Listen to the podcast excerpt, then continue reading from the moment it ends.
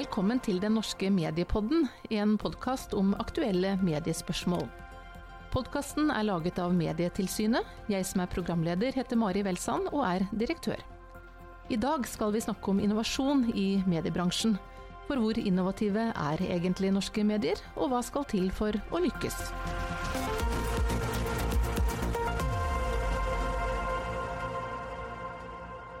I nær sagt alle bransjer snakkes det om innovasjon og hvor viktig det er for å lykkes. Mediebransjen har stått i omstilling i lang tid, og tvinges til endring og omstilling for å kunne håndtere inntektsfall, nye brukervaner og økt konkurranse. Da er evne til innovasjon sentralt, og innovasjon og medier er dagens tema her i Mediepodden. Til å snakke om det har jeg med meg to forskere med litt ulike utgangspunkt og fagområder. Jens Barland, som jobber med medieledelse og innovasjon ved Høgskolen Kristiania, og sosialantropolog Aina Landsverk Hagen ved Arbeidsforskningsinstituttet Oslo MET, som bl.a. jobber med innovasjon, kreativitet og arbeidslivsforskning. Og sist, men ikke minst, Ole Petter Pedersen, som har jobbet mange år i Kommunal Rapport, og akkurat har begynt i Teknisk Ukeblad. Og først til deg, Jens Barland. Hva er egentlig innovasjon? Ja, vi har både innovasjon som gjelder for alle, og det som gjelder spesielt for media. Og hvis vi tar først det som gjelder for eh, alle områder, så snakker vi om fire p-er. Det ene er P for produktet, de håndfaste tingene eller det vi kan se på skjermene.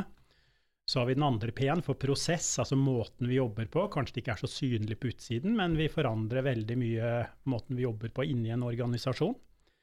Så har vi den tredje for posisjon, altså litt for markedet. At vi lager noe kanskje for ett markedssegment, og så lager vi det for et annet markedssegment, eller et nytt, eller når tak i kunder på nye måter. Så har vi den fjerde P-en, paradigme. Det er når vi gjør de ordentlig store endringene som endevender ting fullstendig, som f.eks. å gå fra papiravis til nettavis osv. Men så har vi den siste, da, den S-en, som vi ofte trekker fram som spesielt for media, og det er samfunnsendringer, eller medienes samfunnsrolle, som er f.eks. da når mediene gjennom sin journalistikk og gjennom sitt innhold tar nye roller og oppgaver på seg i samfunnet, og kan gjøre ting de ikke kunne gjøre før. Må det være noe helt nytt for at det skal kunne kalles innovasjon, eller holder det å videreutvikle noe som allerede eksisterer? Jeg holdt på, Når du spør om det må være noe nytt, så holdt jeg på å si nei, nesten tvert imot. At det er ingenting som er historieløst, eller som skapes med blanke ark. Så godt som alt er en fortsettelse, en videreutvikling av noe. Noe som er der, som blir forbedra, enten smått eller stort. Hvis du skulle trekke fram én ting fra mediebransjen eh, som du tenker virkelig har vært en eh, innovasjon, hva tenker du på da? Ja, den, den, store vi alle kan relatere oss til, det er jo det når plutselig nyhetsformidlingen eh, foregikk mer og mer på skjermer. Først på skjermer som vi hadde på bordet, etter hvert skjermer som vi har i lomma. Og nå når det går ut av skjermen og mer over til lyd og sånne ting. Det er typiske eksempler på store innovasjonssteg. Ole Petter Pedersen, du har eh, skoene på, for å si det sånn. Du har jobbet i forskjellige redaksjoner, eh, og har akkurat gått fra Kommunal Rapport til Teknisk Ukeblad. Hvordan eh, vil du beskrive medienes innovative eh, evner? De er jo på en måte eh, veldig store, og på en annen måte veldig, veldig små. Det er et sånn broga bilde, og jeg jobber jo i, i, små redaksjoner, har jo min erfaring derfra. Jens f.eks. har jo jobba i mye større mediebedrifter. Men, men jeg snakker jo ofte i, i, de redaksjonene jeg har vært i, Kommunal Rapport og Teknisk Ukeblad, at selv om vi har gått over til å bli en digitale medier, så er jo 95% av innholdet, kanskje mer, er jo, er jo, i realiteten akkurat den samme nyhetsartikkelen som vi skrev på papir for 5-10-15-20 år siden. Og så har du de siste årene har du begynt å få en større andel annen type journalistikk som, som begynner å ta opp i seg de mulighetene som det digitale gir oss. Og Det jeg syns er veldig spennende med, med innovasjon i mediebransjen, er jo at vi kommer fra den papirbaserte 250 år gamle tradisjonen som hadde ekstreme fordeler, men også veldig voldsomme begrensninger, til en digital verden hvor uh, du i det journalistiske uttrykket kan gjøre helt andre ting enn i dag, som kanskje egentlig er mye bedre journalistikk enn en det vi er opplært til, alle oss som, uh, som har passert uh, både 30 og 40 og litt til. Fortell oss eh, om et innovasjonsprosjekt som du har vært med på, og som du eh, opplever at var eh, vellykket. det beste eksempelet i, i, min tid er vel i Kommunal Rapport, hvor vi satt og tenkte lenge på hvordan vi kunne gå fra å være en, en riksavis som, som dekka eh, et spørsmål ut fra en nasjonal vinkel og behandla alle kommunene under ett, til å tenke hvordan kan vi bruke digitaliseringen til å bli en lokalavis som faktisk dekker hver enkelt kommune. Eh, at du lager 422 eh, versjoner av saken i stedet for én. Og Vi produserte da en måling som kalles for Kommunebarometeret, hvor man vi eh, brukte veldig mange ulike offentlige data, kombinerte med automatisering og, og analytisk journalistikk, og endte opp med at man produserer da 422 ulike, ulike analyser av kommunene, i stedet for én nasjonal, som vi ville gjort i gamle dager. Og Det som jeg tror er veldig sentralt i små redaksjoner, det er det at datateknologien har de siste årene blitt så mye bedre at det nå er mulig å gjøre mye større prosjekter enn for faktisk bare tre-fire-fem år siden. Så teknologien her er uh, veldig sentralt i forhold til uh, mye av den innovasjonen som vi ser i dag? Ja, jeg uh, tenker det at det er en veldig nøkkel. Det er klart at, som Jens er inne på, det handler også om prosess. men iallfall min erfaring er jo at uh, når vi er i små redaksjoner, og du har egentlig ikke så mye ressurser å kaste bort i utgangspunktet, så, så begynner man kanskje med det konkrete utgangspunktet. Vi ønsker å få til dette produktet, og så følger kanskje de andre innovasjonsstegene uh, seinere. Aina Landsverk Hagen, du er også med oss. Du jobber ved Arbeidsforskningsinstituttet, og de siste fire årene så har du sammen med flere kolleger jobbet tett sammen med flere redaksjoner med innovasjonsprosjekter under tittelen 'Organizing for Media Innovation'. Eh, jeg var så heldig å få være med på oppstarten eh, av prosjektet gjennom eh, min tidligere jobb som sjefredaktør i Nasjonen, og du har jobbet med Nasjonen og Sunnmørsposten og Moss Avis. Og nylig lanserte dere en bok som oppsummerer dette prosjektet, og da du presenterte boken nylig, så fortalte du at det var mange redaksjoner som svarte nei til å delta i prosjektet fordi de ikke syntes at de hadde behov for hjelp. Er det noe unikt ved mediebransjen, at man uh, tenker at uh, innovasjon det kan vi fikse på egen hånd? Jeg tenker at når vi starta dette prosjektet i 2012, um, så var det veldig mye snakk om uh, at Jeg tror det var det året iPaden skulle redde mediebransjen. Um, og det har vi sett, vi har forska på organisasjoner i andre, andre bransjer og yrker i mange år. Og vi vet jo fra, uh, fra, det feltet at det er aldri sånn at en dings kan endre eller redde en bransje. Uh, og det er litt som du sier, Ole Petter, det er jo prosessene som følger av den teknologiske endringa, eller innføringen av no, en ny teknologi, eh, som gjør eh, det mulig å innovere. Eh, og det som var interessant for oss da, var jo når vi begynte å snakke med redaktører i ulike både avisredaksjoner, men også TV og radio, så var jo alle veldig opptatt av den gangen da, nye forretningsmodeller. Altså hvordan tjener vi penger på journalistikk nå? Um, men det de var nesten unisone på, var jo at ja, det er spennende å snakke om dette nå, men vi, vi trenger ikke hjelp utenfra. Og da var Hva det jo Hva tenkte du da, når de sa det? altså, jeg har jobba i mange år som vaktsjef for Desker, før jeg ble eh, sosialantropolog og forsker. Um, og det har vært utrolig interessant for meg å bruke den kompetansen som, uh, som praktiker, og, som, og, og, også spesielt fordi erfaringa mi er fra en sånn predigital tid, uh, hvor uh, vi lagde papiravis. Og det jeg ser når vi har forska på ulike bransjer og ulike yrker, er at alle kan lære av andre yrker og bransjer. Sånn at jeg trodde jo ikke helt på det, men, eh, men, da var vi så heldige at redaktøren i Sunnmørsposten var det vel først som sa, Hanna Rengelberg, som sa vi vil gjøre dette her sammen med noen andre. Vi vil få til dette med noen som har et annet blikk. Uh, og så fulgte du, og så kom også avisen. Og det, da så vi også, da var det jo gått noen år, og vi så at uh, året etter iPaden så var det mobilen som skulle redde bransjen, og så har det på en måte fulgt på seg, litt til det du sier, Jens, som at ja, det produktet, det kommer ofte som en sånn litt sånn holy grail. At man, og kanskje mest fra medieledere, vi kaller det innovation speak. Uh, at det er mye snakk da, rundt innovasjonene, og så er det kanskje lite reell håndtering av det i praksis. Og det er jo der vår bakgrunn som antropologer og sitter med folk i hverdagen deres og ser hvor skoen trykker. Jens Ole Petter, kjenner dere igjen eh, dette at mediebransjen er litt uh, seg selv nok? Ja, eh, jeg ble jo litt rysta egentlig når jeg hører at du Hvis du sleit med å finne folk som var interessert til å få hjelp.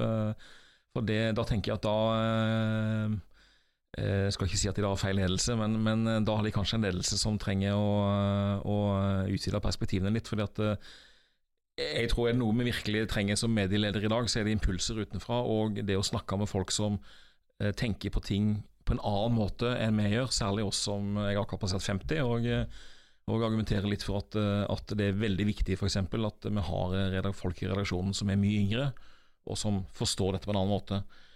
Og det f.eks. å få folk utenfra med andre perspektiver som faktisk kan komme og si til oss at nei, vet du hva, det er lurere ting å gjøre dette på, det vil være en vil være egentlig en fantastisk ting.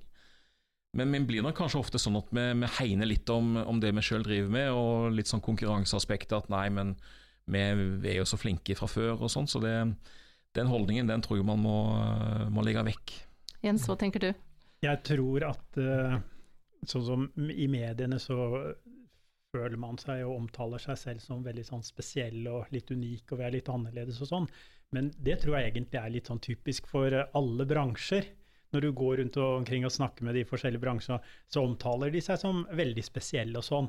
Men når du begynner å se på innovasjon, og nå er innovasjon en veldig sånn moderne motor, vi kaller alt for innovasjon, men i det hele tatt det å utvikle seg for å, for å holde tritt med en utvikling, holde tritt med en konkurranse, holde tritt med en funksjon du har i samfunnet, så, så driver jo alle om å utvikle seg sånn. Og egentlig så er den overførbarheten bransjer imellom, og enda mer da bedrifter imellom.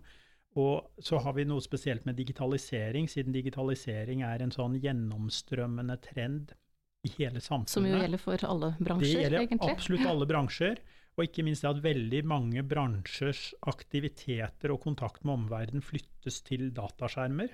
Det er jo et sånn fellesskap som før var sånn nyhetsmediene litt aleine om å kommunisere med folk på skjerm. Det gjør jo nå nesten alt og alle, ikke bare i kommunikasjon, men også hvordan du betjener deg av tjenester osv. Så, videre. så gjør det at man tvinges til egentlig å bli ganske like, eller det blir veldig mye felles og likt, og dermed blir det også stor overførbarhet. Så det, det er en, en interessant trend i akkurat den endringen som foregår nå. Og når vi snakker om medieinnovasjon, så er det ofte bare en del av et litt større innovasjonsbilde i hele samfunnet. Aina, du må fortelle oss litt om eh, det forskningsprosjektet som dere akkurat har eh, avsluttet. Hva har dere gjort, og på hvilken måte har det hjulpet avisene som dere har jobbet sammen med?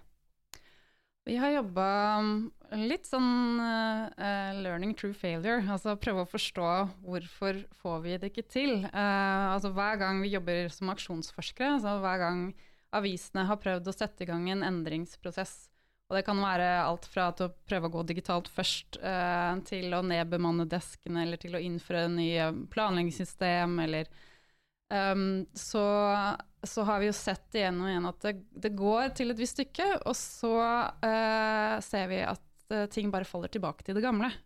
Og det er jo en klassisk Når du driver med endring i organisasjoner, så er det jo en sånn alle lurer på hvordan får du til reell endring? Altså Hvordan får du faktisk endra folks praksiser og måter å jobbe på? Så det å gjøre ting på nye måter er vanskelig å få til å sette seg, rett og slett? Ja, det er det. Så det har jo vi har jobba veldig mye med det. Også prøve å gå i oss selv, og hva er det vi gjør som ikke funker? Eh, hva er det vi kan endre på i våre arbeidsmåter? Så vi begynte å jobbe mye med visualisering, f.eks.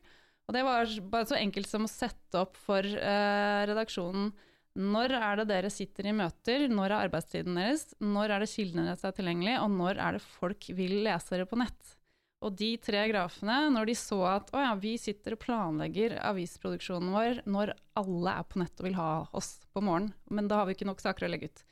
Er det logisk? Her var det noen aha-opplevelser ja, som kom? Ja, eh, rett og slett. Og litt, det er mye av den jobben vi gjør, handler om å pirke litt borti det som folk, man tar for gitt. Uh, som er sånn Sånn har vi alltid gjort det. Vi har alltid hatt morgenmøte på mandag morgen. Og, og det, er, det, er, noe som var veldig logisk for bare 10-15 eh, år siden. Og så er logikken litt borte, og, og, da blir det også vanskelig å innovere og endre seg hvis man ikke ser hva man skal endre seg fra. Kjenner du deg igjen med. i dette, Ole Petter? Ja, jeg, jeg må smile litt, fordi uh, i, i, TU uh, så har vi jo høyest trafikk uh, litt sammenheng med nyhetsbrevet, men fra sånn klokka 8 til 9.30. Og, og, vi har redaksjonsmøte klokka ni. Så, så, det er jo et klassisk eksempel på, Her er det noen muligheter. Det. Ja, absolutt. Altså. Og jeg tenker litt på det, hva som, hva som ikke fungerer. Jeg har jo sjøl prøvd en del ting opp gjennom årene som uh, kanskje har stranda. Og det, uh, det som kanskje er litt fellesnevneren, tror jeg noen ganger, altså, i alle fall i små redaksjoner, det er det at uh, det skal veldig lite til at prosjektet blir for stort. At en plutselig skal løse et hav av utfordringer, eller, eller gi liksom det der geniale kvantesteget, eller det paradigmeskiftet som Jens var inne på. Um, og så var det kanskje egentlig mye bedre løst i det når det var ganske lite skritt framover, men likevel et viktig skritt. Og, og det at, det blir, eh, at ideene blir um, Ambisjonene blir så store at det ikke er mulig, mulig å gjennomføre i praksis, det tror jeg kanskje er en, en fallgruve. Så det å ikke gjøre det for stort, men uh, forholdsvis enkelt og konkret, det er viktig sett fra ditt ståsted? Ja, det er iallfall min erfaring at da det går mye raskere å få det gjennomført, og mye raskere å se resultater. Stemmer dette overens med det forskerne har erfart, eller? Jens? Ja, altså når vi snakker om medieinnovasjon, jeg nevnte eksempler på de store stegene som vi kaller paradigmeendringer, men eh, i hverdagsinnovasjonen så handler det om de små steg, og det er veldig typisk for medieinnovasjon. Eh, og det har å gjøre med at man eh, publiserer kontinuerlig eller veldig ofte. Sånn at man kommer ikke med en ny årsmodell som de bransjene som har en innovasjon og kan komme med noe nytt én gang i året. Her kommer man med ny hver dag, og da betyr det at man kan kjøre nesten sånn som programvare. Du kan kjøre beta-versjoner, teste det ut på markedet, og fungerer det, så skalerer du det opp. Fungerer ikke så godt, så kan du ta det litt ned, og så er det dumme greiene glemt. Så, sånn at du kan gjøre masse innovasjon med liten risiko. Det er typisk for media, og det fungerer bra. Og det fungerer best hvis du har en litt overordna plan, en strategi, sånn at disse små forbedringene følger et systematiske steg, en strategi, og ikke bare er sånn litt sånn ville innfall, da. Og så har du også den ulempen ved seg at du blir veldig bundet av historien, det du har gjort til nå. Det er ikke så fort gjort å skifte kurs.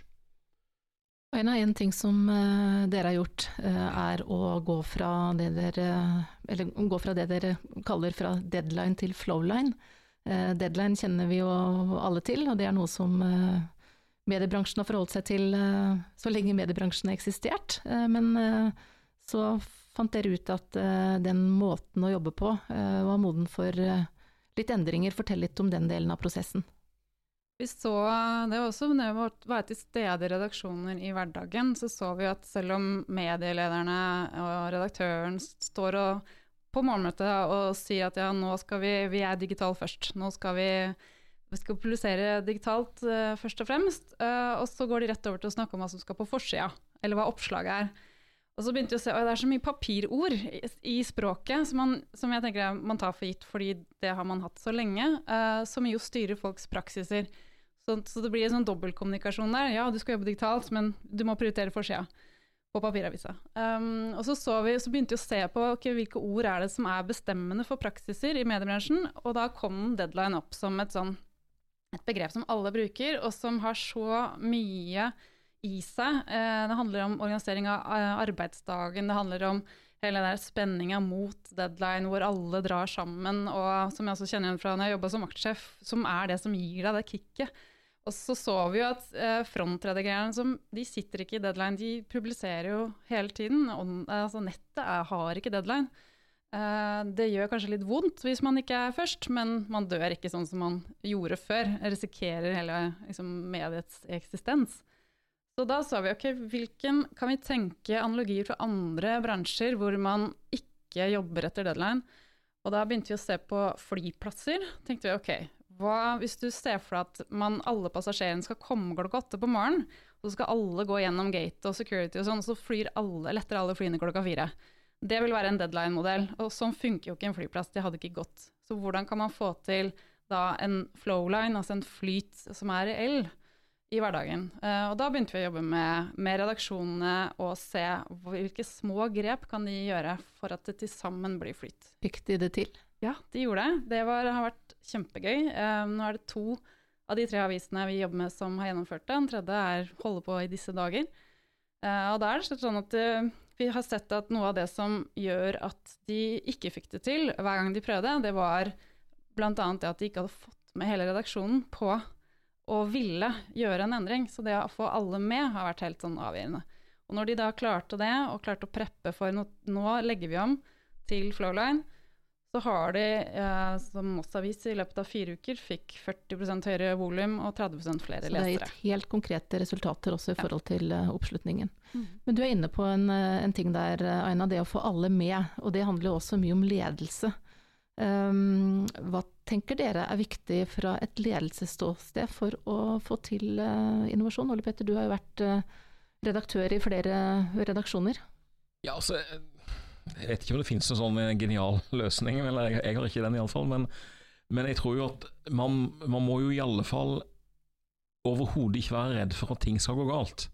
Så våge å prøve, men også man må våge, å feile. Og så må man rett og slett eh, Skal ikke si at man kan omfavne fiaskoene, men, men, det er et eller annet med at hvis ikke folk ser at i denne redaksjonen så har jeg rom for faktisk å prøve noe som er nytt, og vi kan mislykkes med det uten at eh, jeg liksom jeg står i fare for å miste jobben, det tror jeg er veldig veldig sentralt. fordi at Én ting er at jeg som redaktør går rundt og snakker om at vi skal innovere, men, men hvis ikke dette egentlig i hovedsak eh, bobler litt opp fra redaksjonen som sådan, så er det grenser for hvor mye innovasjon og hvor mye bra innovasjon det, det faktisk blir. Hvordan får du med deg dine folk?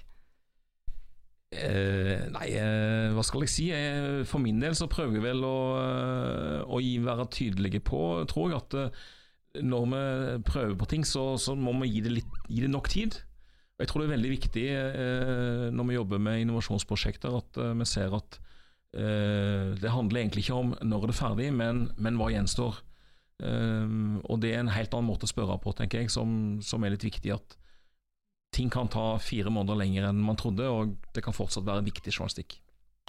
Jens? Ja, jeg liker å ta litt oppgjør med det der å kategorisere innovasjonsprosjekter som vellykka og mislykka. Og når jeg har forska på det, så er det ene som er typisk, er jo det man ser på som vellykka fordi det fortsetter å drive videre. Det husker man, så man har glemt veldig fort det som man kanskje tenker på som mislykka.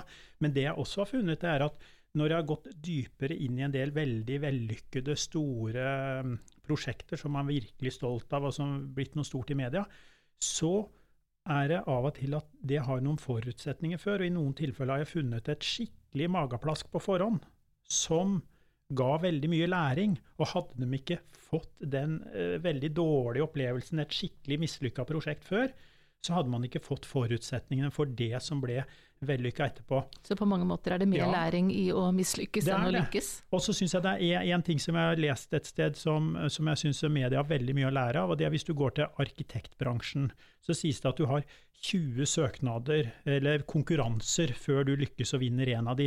Det betyr at du skal tape 19 konkurranser for å vinne den nummer 20.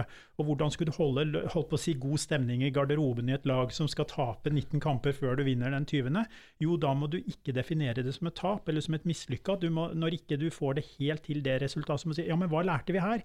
Hva gjorde vi som ikke vi har gjort før? Hva, hva har gjort oss unike som vi virkelig kan få til? Og så får du på en måte en kunnskapsseier ut av det, og, og jobbe på den måten. Da kan, da kan, det bli veldig mye læring som gjør deg enda bedre etterpå. Ja, jeg er veldig enig i det. For jeg tror noe av det vi har sett som har vært en, en endring for ledelsen i de avisene vi jobba med, har jo vært å definere Nå skal vi gå digitalt først. Vi skal gå Flowline.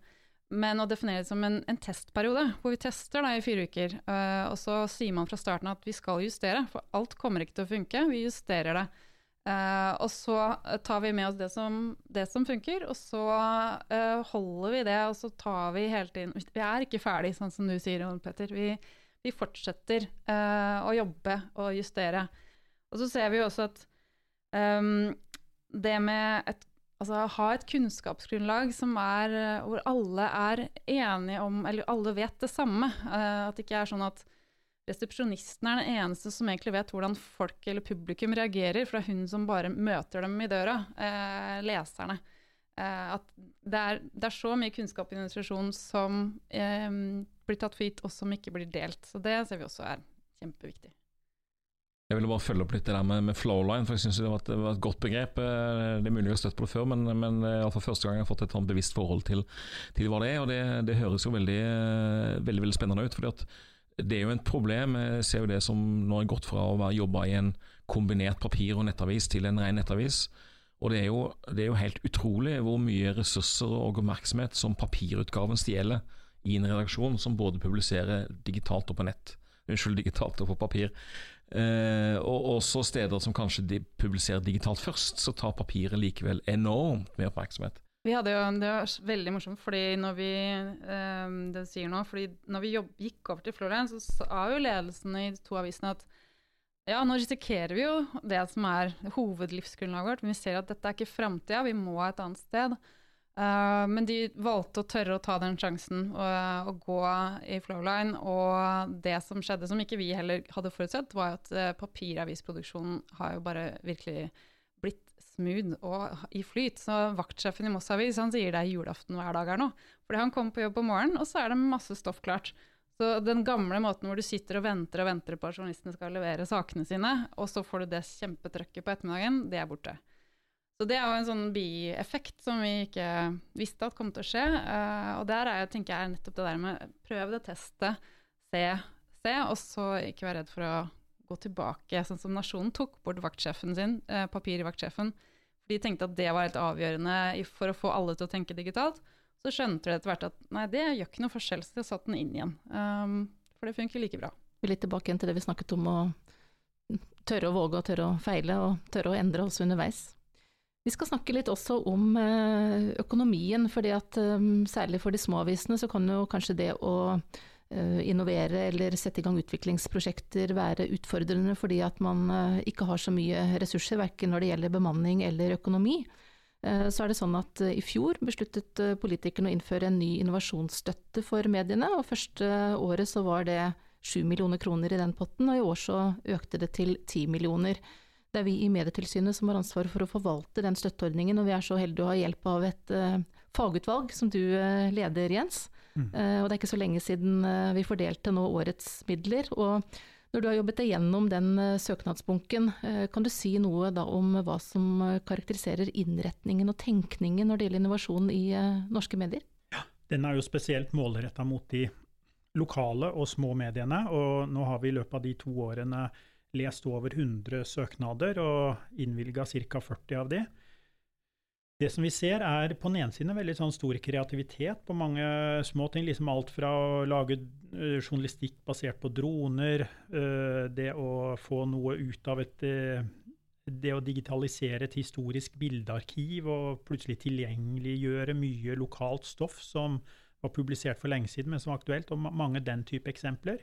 Men det som vi også ser når vi snakker om den store mengden av disse aller minste mediene, det er at så nettopp fordi det du nevner, at de har små ressurser, og de, de har også uh, problemer med, liksom å henge med i all den digitale utviklingen. Så det er veldig mange av de aller minste som trenger dette lille ekstrahjelpet for rett og slett å komme seg på noe så selvfølgelig som å bli tilstrekkelig digitale, så de kan enten få til å publisere digitalt på en rasjonell måte, og faktisk bare det å disse innloggingsmodellene som vi kaller plussmodeller, som alle de store har, det skal jo litt til å lage det, og det koster litt å difte seg. Så for en bitte, bitte liten lokal redaksjon, så er det også et stort tiltak. Så det litt sånn selvfølgeligheter vi vil tenke på det, som ikke det er veldig mye sånn stjerner og så det å få noen hundre tusen kroner fra denne potten, det ja. tenker du at uh, faktisk kan gjøre en uh, forskjell for uh, særlig disse minste avisene? Det kan det, og vi har også bl.a. gitt da, solid støtte til noen prosjekter der mange av disse aller minste går sammen, sånn at du får til et, ikke bare et bra produksjonssystem i én liten lokalavis, men at mange går sammen og gjør det som en gruppe. Det, det syns vi har vært en fornuftig og effektiv måte å gjøre det på. Ole Petter, eh, hva tror du er det mm, størrelsen på redaksjonen, eh, pengene det kommer an på, eller gjelder det bare å ha en god nok idé? En god idé er et veldig godt utgangspunkt. Det er klart at Så hjelper det å ha eh, noen hundre utviklere som Skipsted har, men de har sikkert også en bestillingskø til de utviklerne som er ganske stor. Jeg har veldig tro på at det må være veldig kort vei mellom ideen og det at man prøver det ut i praksis. Eh, hvis det blir for mange ledd og for mange som skal involveres, så, så taper man noe på veien. Og sånn som den, den støtten, innovasjonsstøtten der, tror jeg er et veldig godt konkret tiltak. fordi at det er nok veldig mange steder sånn at hvis du har valget mellom å være sikker på at budsjettet ditt eh, går i pluss, eller bruke en halv million det året på en digital utvikling som du kanskje ikke helt vet om du får, eh, får igjen, så vil nok veldig mange små eh, mediestyrer si at ok, nei, men da venter vi litt til, til vi ser om ikke vi får en bedre idé, eller, eller sånn. Så mm, den gode ideen, ingenting slår den gode ideen, uh, uansett hvor, hvor, stor du er. men uh, men uh, det er klart det hjelper å ha rygg til å, til å vite at nå tåler vi, og at dette går helt skeis. Før vi runder av, så må vi se litt framover. Og Jens Barland, du har jo akkurat bidratt til en ny bok som heter Det digitale Norge. og Der eh, forsøker du å se litt inn i krystallkula, og berører noen ulike aspekter ved medieutviklingen. Hva, hva ser du i eh, krystallkula? Ja, i denne boka som vi lagde fra Norges tekniske vitenskapsakademi, så skulle man da ta for seg alle sektorene, hvordan forsigner forsikring og transport og sjøtransport seg. Så skulle vi da også se på media. Og vi har dratt opp fire områder. Det første er jo dette med plattformene, liksom det som var på papir, som gikk på nett, og som går over i sosiale medier og Snapchat. Og som vi f.eks. nå ser at veldig mye av eh, det vi kaller for nettpublisering, går ut av skjermene og f.eks. til lyd og og andre typer grensesnitt til sansene våre enn bare skjermen og bildet. Så har vi det andre området, som er programvaren, å gjøre at det som var stort og vanskelig, nå blir mye enklere, mye mer dynamisk, og det blir igjen grunnlaget for at man kan lage um, ja, Det er veldig, veldig mye mer Det er en egen podkastsending å snakke om akkurat det punktet, men for å si det sånn, det legger grunnlag for å kunne lage personaliserte publikasjoner og veldig, eller veldig tilpassa til steder og situasjoner. Og da, også da med det tredje med med det med datahøsting. Og da kommer det til å oppstå masse ny type journalistikk og mange nye nyttetjenester basert på det. Og så har vi et siste punkt vi også har sett på, og det er um, det visuelle med mediene, med VR- og AR-teknologi, som betyr at uh, det er ikke bare bilder, men det kommer tilleggsinformasjon. Og vi ser f.eks. innenfor gaming så har man kommet veldig langt på dette med sånne headset som kan hensette deg i en helt annen verden, og du spiller og lever og opplever. Det er klart at den type medieformidling også etter hvert vil bli tatt i bruk på det journalistiske området. I det du skriver uh, i ditt kapittel i denne boken, Jens, så starter du med å spørre om hva som skjer med mediene i 2028. Og så skriver du at uh, jeg spør om det, men ingen tør svare. Uh, og da får jeg spørre dere rundt bordet her, da. Tør dere svare? hvor er vi i, i, 2028? Jens, du får fortsette først. Ja, jeg kan jo si altså, jeg hadde jo bl.a. tidligere jeg fikk snakke med toppstrateger både i Google og Telenor og disse andre som leverer disse teknologiske infrastrukturene. Og jeg spurte dem om hvordan er disse mediene om noen år, når vi tar 2028, så prøve å se et sånn tiårsperspektiv.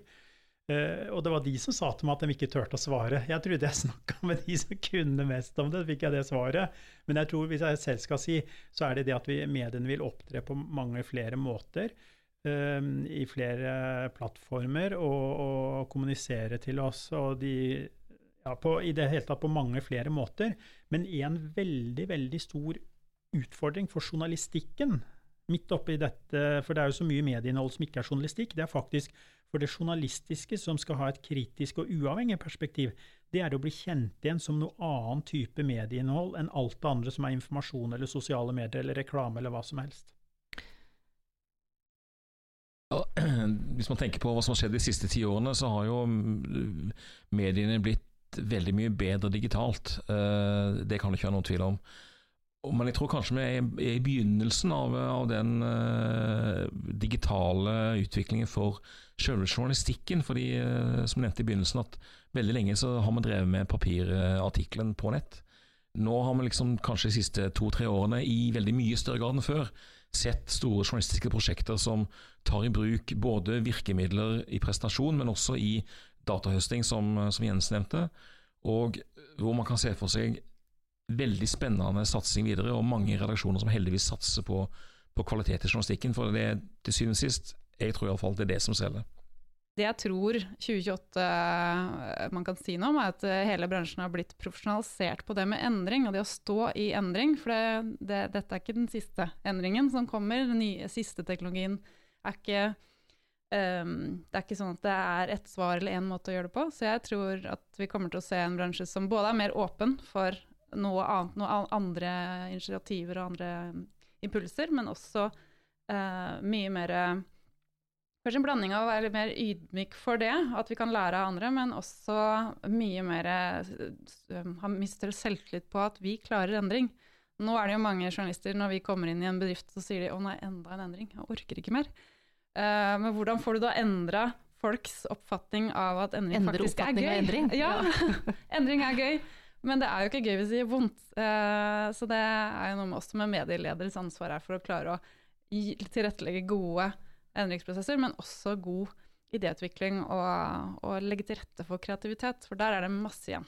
Hvis dere skulle få gi et uh, godt råd da, til norske medier, både i forhold til hva som uh, bør gjøres for å henge med på utviklingen, og også hva som kan gjøres for at uh, utvikling og omstilling blir gøy. Jens, først til deg, hva vil du si da? Ja, jeg vil si Det mest ekstreme du kan gjøre, det er å ikke gjøre noe. For det er jo veien til å bli forbikjørt av alle andre.